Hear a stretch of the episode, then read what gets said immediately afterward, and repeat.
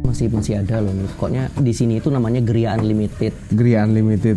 Oh, kita ini sekarang lagi di, Geria. Gerianya Beli Area. Geria Unlimited Jadi Amber Ketawang ini ya. di Karangnongko. Karangnongko. Amparwoto itu kan gininya eh, kecamatannya. Oke. Nah, jadi Oke, ini kita bertamu di Karangnongko. rumahnya Bri Area ini. Ya. Jadi, halo Bli. Gimana kabar? Halo, kabar baik saya. Khas ya dengan apa? Cangklong ya namanya ya. Pipa. Pipa ya. Pipa. Bukan oh cangklong itu kayak Popeye. Iya, kayak Popeye dia. Oke. Kayak punyanya si eh, Maestro Avandi kan pakai Ya ya ya. Jadi kalau ke rumahnya Beli Area nih, kayaknya tenang banget gitu ya. Kayak sejuk karena pakai bata, Iya, sejuk pakai bata dan banyak pohon. banyak pohon. Ya bikin Karena- sejuk sebetulnya orangnya sebetulnya. Kan rumah seniman mungkin ya. Rumah seniman. Tapi banyak Atau- seniman juga rumahnya nggak nggak pakai batu bata juga. ya. Oke, rumah seniman. Berarti kalau jadi seniman tuh memang harus kayak kesan masyarakat kan. Kalau kita ngirain tuh kalau seniman itu ya dia nyentrik terus kayak unik, tampilannya beda gitu kan.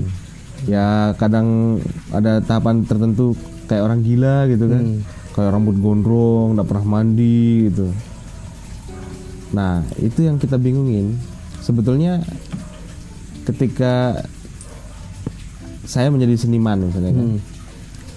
Apakah itu sebagai suatu bagian hidup yang tidak atau kayak membedakan dengan orang normal, orang-orang pada umumnya ya, yang bukan seniman, sehingga saya berpakaian eh, yang aneh gitu, rambut gondrong, janggut sampai ini gitu, gimana bro? Ya kalau stigma seperti itu karena sudah melekat di dalam masyarakat kita bahwa menjadi seniman itu urakan kemudian egoistik. Dia ingin tampil dan dicitrakan untuk sesuatu yang berbeda dengan yang lain gitu. Sehingga pemikiran menjadi beda yang lain itu lebih cenderung diambilnya pada sisi berbeda dengan masyarakat umum dengan cara berpakaiannya itu. Berpakaian kemudian bertingkah uh, dan gaya hidupnya. Tapi kalau kita melihat kan itu bisa jadi merupakan uh, cara memandang bagaimana seniman itu menghadirkan sesuatu yang otentik yang berbeda dari yang lainnya. Jadi kalau modernisme itu kan ada originalitas, gitu. Hmm, uniqueness begitu. iya ya. Jadi kalau originalitas bahwa dia harus menemukan sesuatu novelty-nya yang membedakan dia dengan perilaku umum. Nah, perilaku umum sesuatu yang berbeda dan unik ini lalu diaplikasikan terhadap fashionnya, gaya berpakaian, gaya hidup. Hmm, itu termasuk bagian dari ekspresi berkeseniannya. Eh, di dalam berkesenian itu lebih cenderung kalau aku sendiri melihat bagaimana pada kreativitas berkaryanya. Hmm. Banyak kok seniman-seniman yang kemudian eh, tampak seperti Sujujono, rapi begitu. Lalu kemudian yang muda-muda sekarang juga misalnya eh, ada Alfi, kemudian ada Di area termasuk juga rapi. aku rapi, aku Iya, termasuk. aku mendasarinya begini kegilaanku tidak pada sisi fashion apa yang aku pakai tapi lebih pada apa karya yang kemudian aku munculkan kepada masyarakat jadi kemanfaatannya bukan pada permukaan saja tetapi pada cipta rupa karyanya Oke. sehingga di sisi tampilan orang tidak akan menyangka bahwa aku adalah seorang Dosen pelukis ya, begitu. dosen seni rupa. gitu. dosen seni rupa Aku ngiranya dulu dosen media rekam gitu Ah, kan. rapi-rapi ya, main cat gitu ya. Pakai apa? Pakai flannel terus pakai jeans, sepatu. Ya dari dulu sih begitu. Eh, Dari mahasiswa, bawa- dari dari, mahasiswa. mahasiswa. Bawaannya gitu. Karena turun temurun tampilannya seperti itu yang menyebabkan orang kemudian melihat bagaimana Avandi dengan nyelenehnya Hmm. ke mana-mana pakai sarung, Iya. Terus rambutnya misalnya rambutnya yang Nggak eh, disisir. tidak disisir gitu.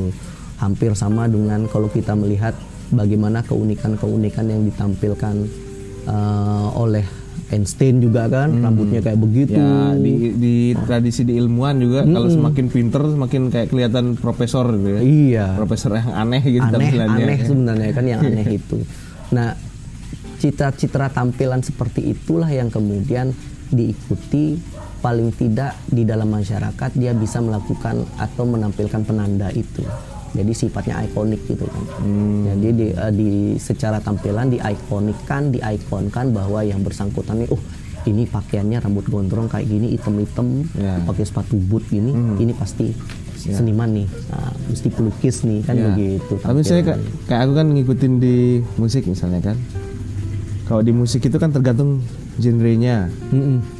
Ya kalau yang blues pakaiannya pasti gede-gede ya, kayak eh, apa kemeja bunga-bunga atau apa, tapi oversize, kancingnya dibuka, pakai topi kayak cowboy misalnya kan. Terus pakai jeans, sepatunya sepatu-sepatu cowboy itu. Kalau metal beda lagi gitu. Nah kalau di seni rupa itu sama nggak? Misalnya pelukis-pelukis, seniman-seniman. Kalau genrenya misalnya A, maka dia akan berpenampilan sesuai dengan genrenya. Iya, lebih kalau kita lihat di seni rupa itu kan ada seni murni, lukis patung grafis. Lalu ada juga seni terapan disebut dengan kriya itu. Lalu ada desain komunikasi visual, desain interior dan desain produk.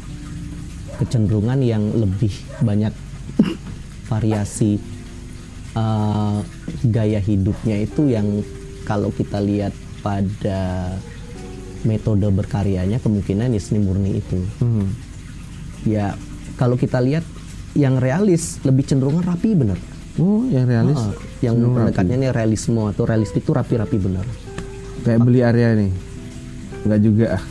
Eh, ya kalau saya sih memang suka rapi sih kalau nggak rapi tidur di luar nanti sama istri saya itu semua harus Iya, iya. rapi gitu dari awal memang rapi jadi teman-teman yang realisme itu seperti eh, Suharmanto kemudian ada eh, ah, siapa tuh ya yang realistik juga. Hmm, Sigit Santoso rapi pakaiannya bersih. Tapi teman-teman yang ekspresif kayak uh, Ugo Untoro seniman bener itu wah pakaiannya. Uh, jadi tatoan wah bagian itu tatoan tindian. Kemudian bajunya ya unik lah artinya. Kalau dia jalan di tempat umum tuh terlihat lah dia seniman gitu. kemudian uh, si Bob Sik itu juga ekspresionisme kan gara-garanya ekspresif naif itu juga tatuan tindikan pakaiannya juga aneh-aneh gitu. Jadi memang ada beberapa kecenderungan mereka begitu larut terhadap uh, masyap aliran tertentu yang dia libatkan pada sisi ekspresifnya.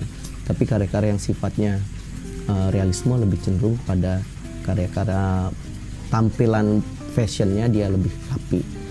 Orang-orang yang lebih cenderung ke karya yang dekoratif gitu menghias baju-bajunya ya banyak elemen hiasan.